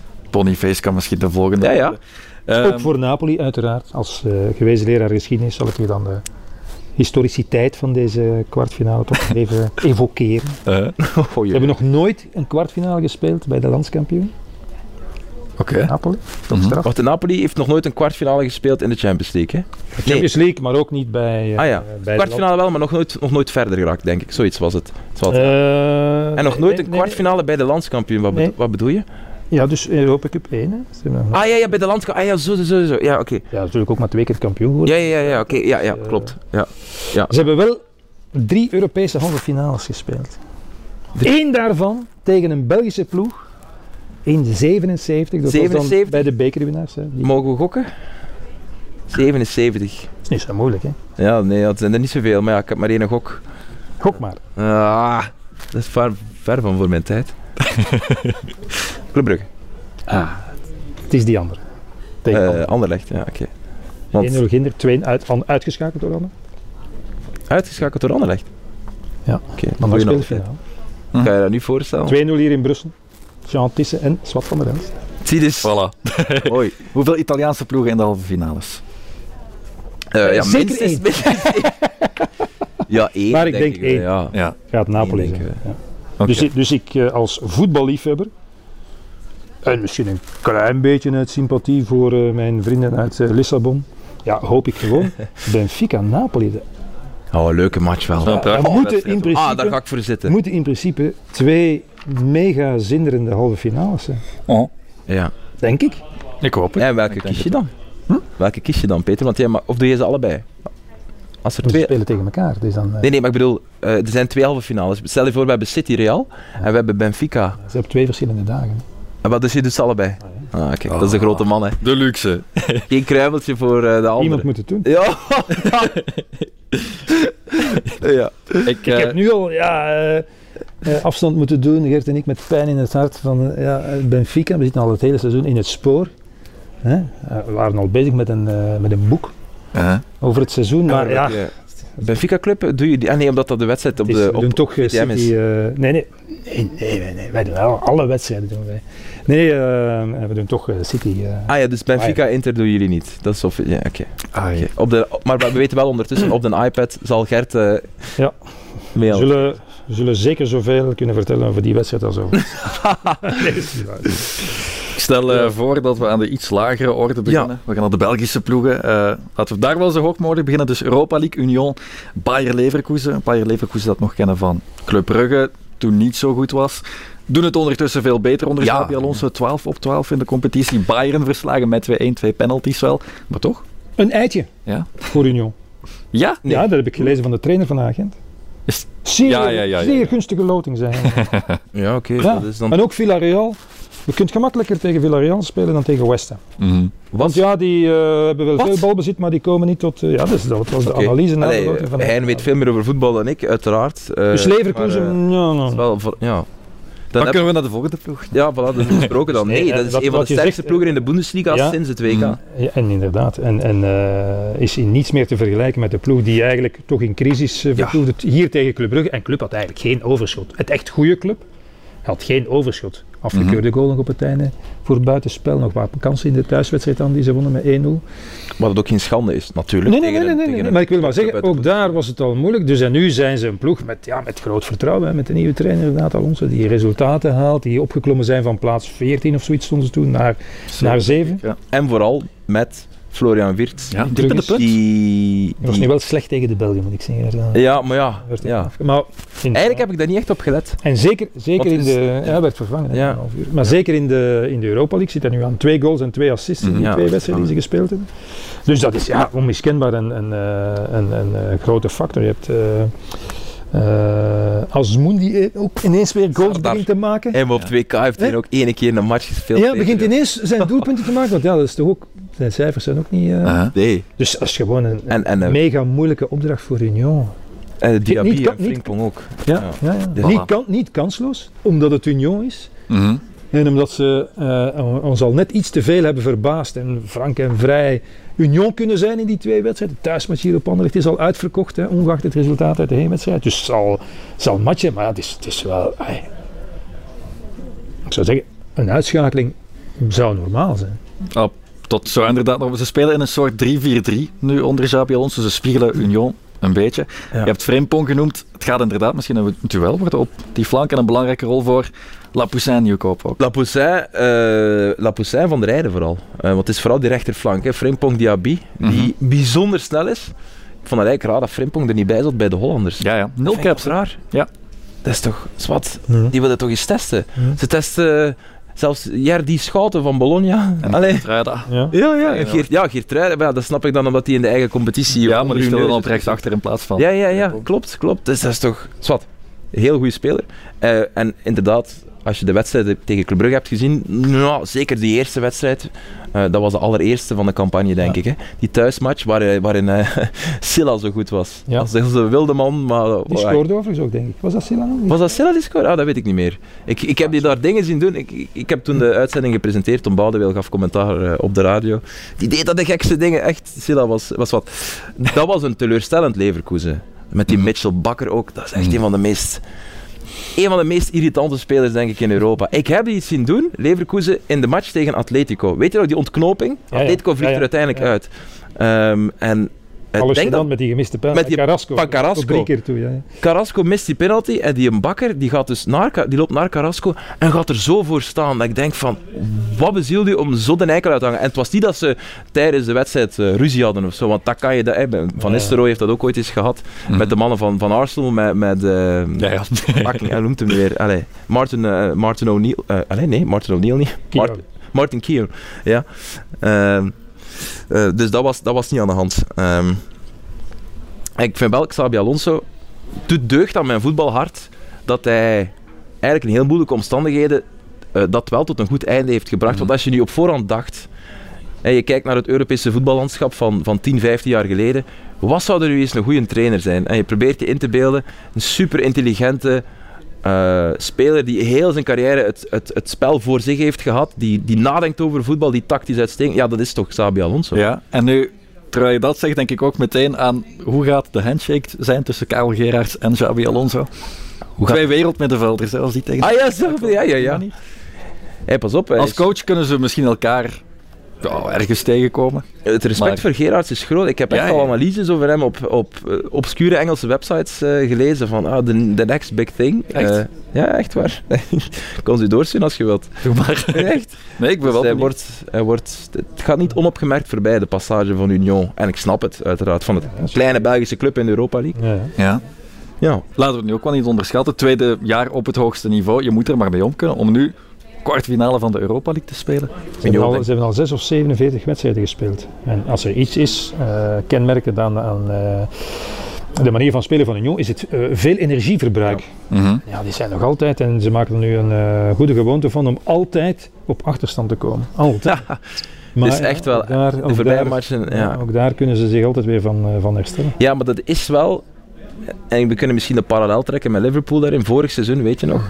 Hè, dat ze op weg waren naar die quadruple. Je merkte wel, de machine begon wel stil te vallen. Ook omdat er een hele periode lang op achterstand werd gekomen. Ik denk dat, ze, denk dat ze van maart tot mei elke match op achterstand kwamen, bij wijze van spreken. En dat is toch meestal een voorbode van ja, de vermoeidheid begint erin te komen. En ik, misschien is- Vorige keer, vorig jaar hebben we dat natuurlijk ook wel gedaan, of niet met vermoeidheid, maar hebben we ook vaak gedacht van ja, het gaat toch eens ja. stilvallen. En ze zijn uiteindelijk eigenlijk niet stilgevallen. Je kan zeggen, ah ja, ja, ze zijn geen kampioen geworden, maar ja, iedereen weet hoe die wedstrijd tegen Club Brugge zijn gelopen. Ja, niet dat ze stil Allebei de matchen tegen Brugge. Nee, niet dat ze stil vindt, dus ja, het zat gewoon niet mee of, of eh, een foutje. niet. En misschien is het dan een goed nieuws dat deze man, eh Teddy Thomas, eh, onbegrijpelijk, ik snap echt niet waarom, op de bank zat bij Malta tegen Italië. Dat was, dat was de enige match op tv, ik denk dat was op de zondagavond ook. Ik dacht, ik ga eens kijken op, eh, op, op 11 naar die, naar die match. Ik dacht, Thomas tegen Italië, kei leuk, die zat gewoon op de bank.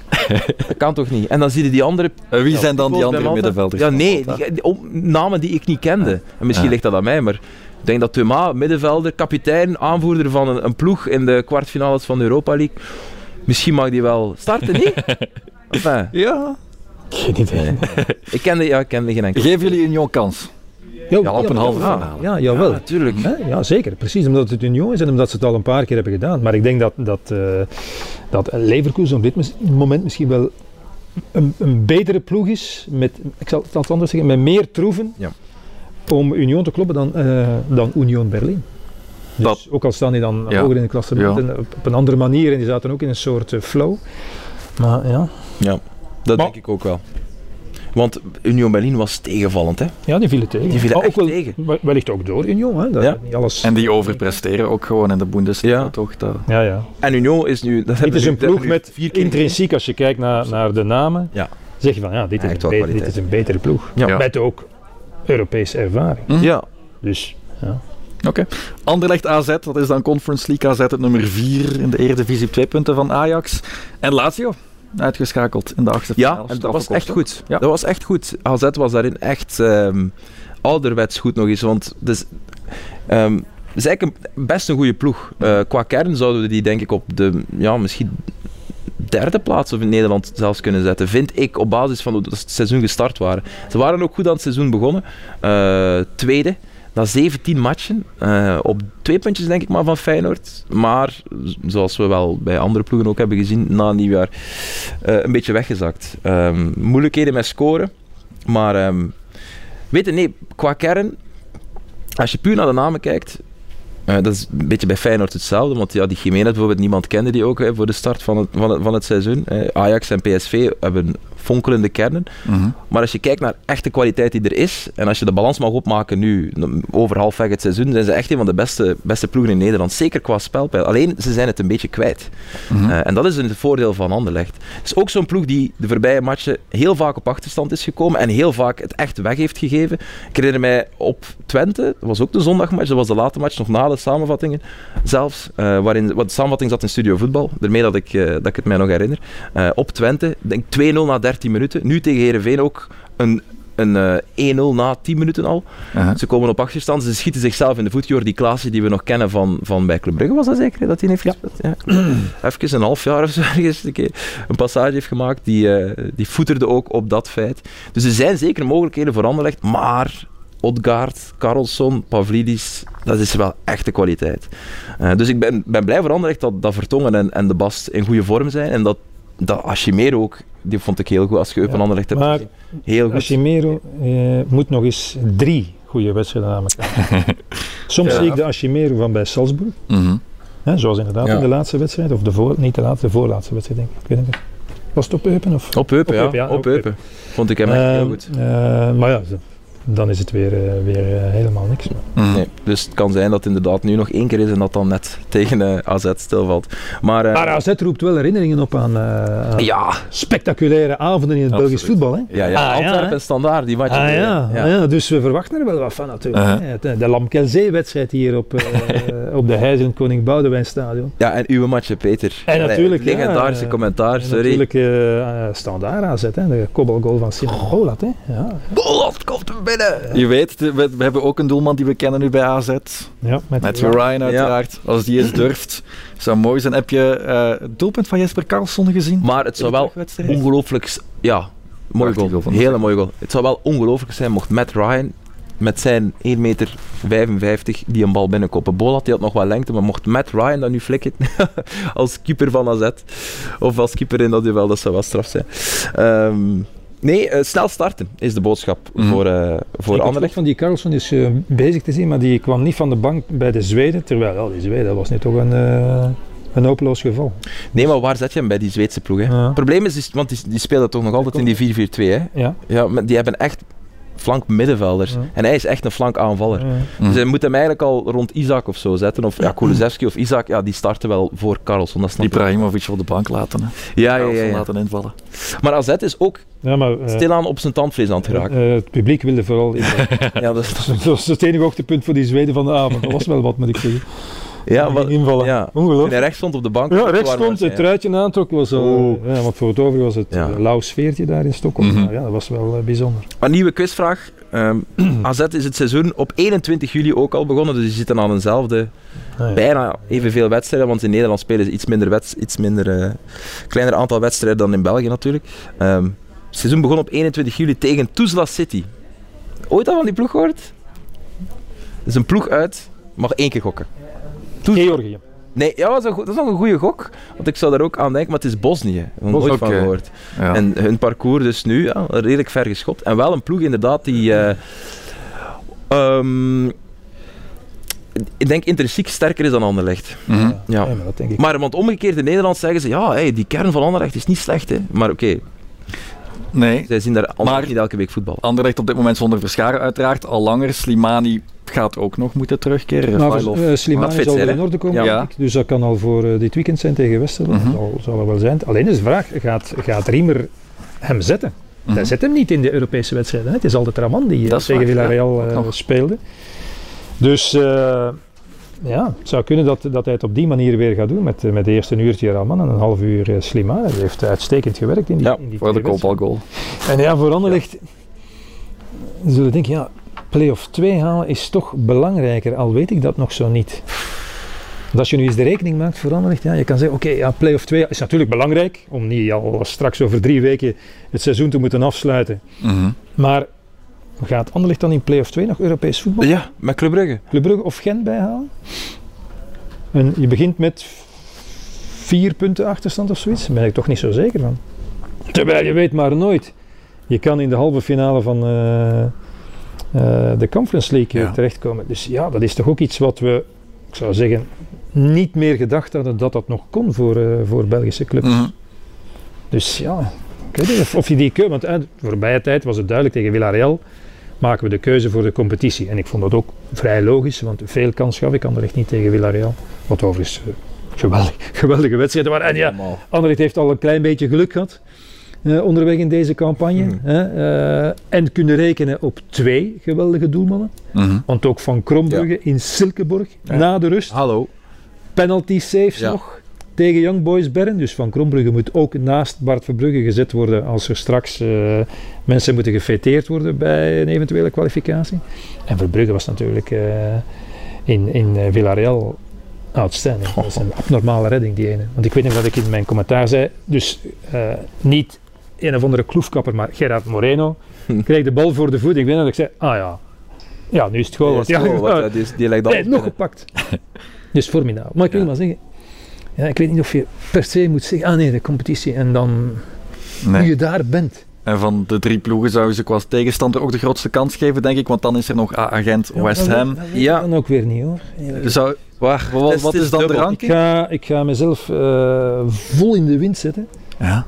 en zeggen van die drie ploegen, hè, Leverkusen, AZ en West Ham, Mhm. en ik spreek niet over kwaliteit of budget of...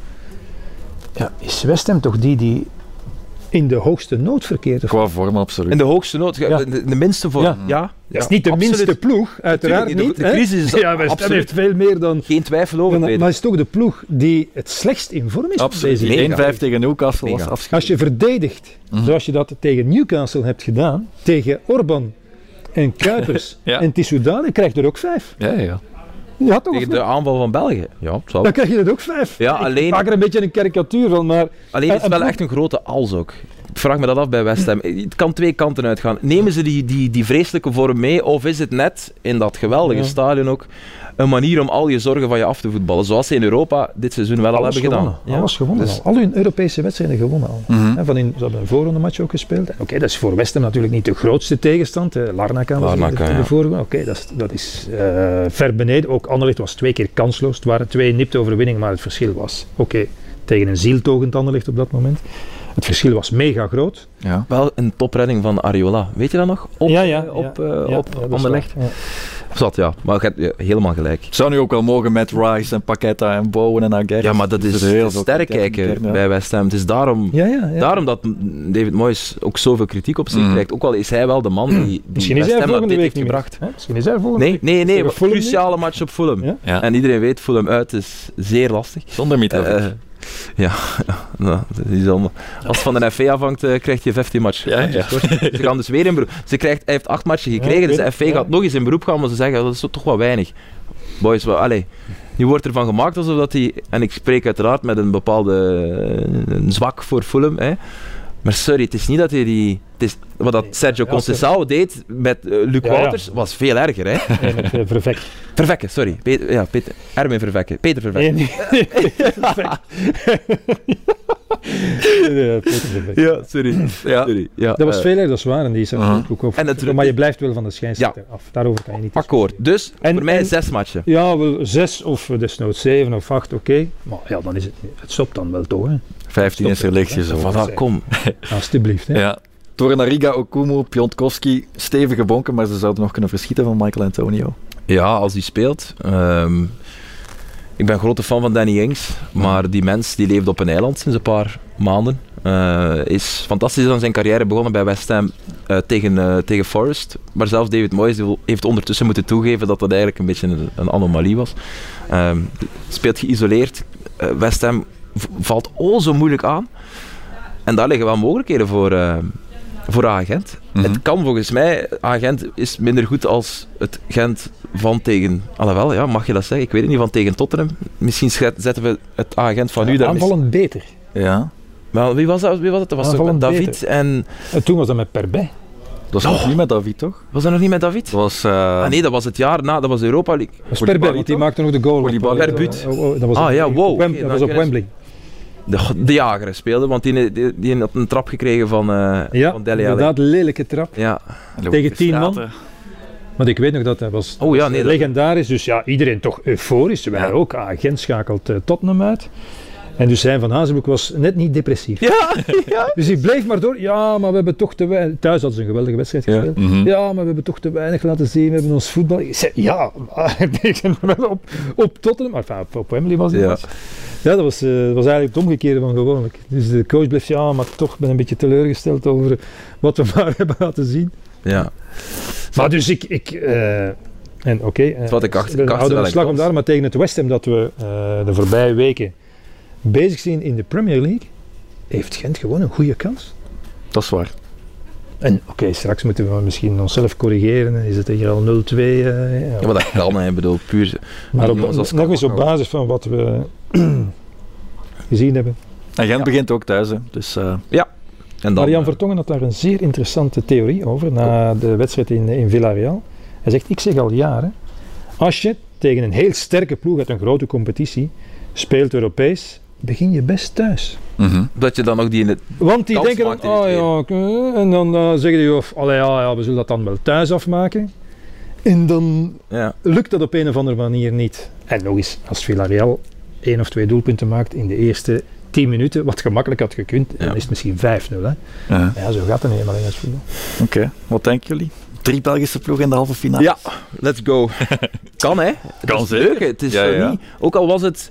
Allee, het, was ook, het is ook geen makkelijke loting. Maar goed, ja, voor, voor Union kan het niet veel... Allee, je gaat sowieso een moeilijke tegenstander treffen in de kwartfinales van, van de Europa League. En AZ is inhoud, inhoudelijk hè, op papier sterker dan Anderlecht. Maar zoveel scheelt het nu ook weer niet, denk ik. Ehm, en West Ham is net wel ja, de ploeg met de minste vorm van al die ploegen in, eh, in, in, in eh, de Conference League. Dus ja. Peter, wat zeg je? Ja, wat zegt hoeveel jouw glazen zouden, er, eh, hoeveel zouden we erin steken? Realistisch gezien zeg je één. En wie is dan realistische? Dus we kunnen dus de finale, halve finale Anderlecht. Gent-Anderlecht. hè? Ja, ja, ja. Dan hebben we meteen al een eh Ja, dat is finalist. leuk. hè. Ja, maar ik stel dat wel leuk. Want ja, ik vind dat dan leuker dan al- allebei apart in een halve finale en dan ze net niet. Dan hebben we zeker een finale. Dan moet je wel Gent-Anderlecht doen, dus in de halve finale van de Conference League. We hebben dat toch gehad met Gent-Genk, hè, weet je dat nog? Ja, dat was eh Europa League, hè? Ja, klopt.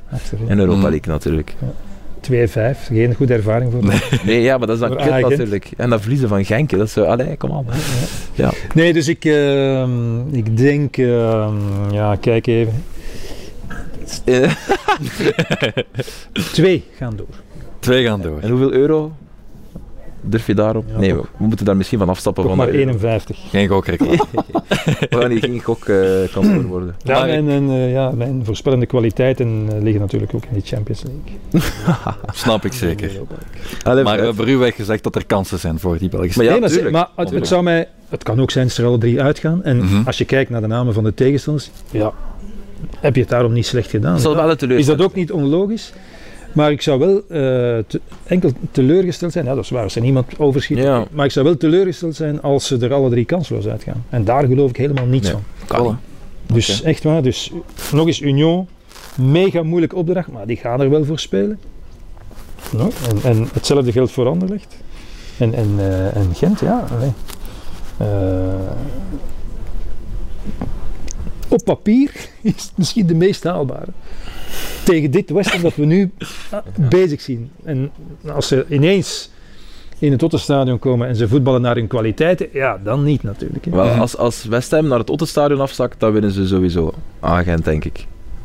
Ja, dat is waar. Staat het, er- er nog? Ik denk het Ik niet. denk dat het afgebroken Ik denk dat Er zijn dat... al appartementen op, ja. was de bedoeling zeker. Ja, ik denk het. Ja, ik vind dat heel jammer, want ik vond dat... Ja, ik heb daar nooit Nee. mijn, mijn job mogen beoefenen. Ja. Ja. Reuze gezellig stadion. Mhm. Ja. Absoluut. Zoals oude stadions, meestal reuze gezellig.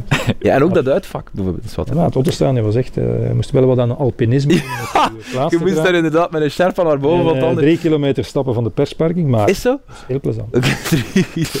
We gaan het in de Gelamco Arena Ja. moeten doen. Jammer, maar Ja. helaas.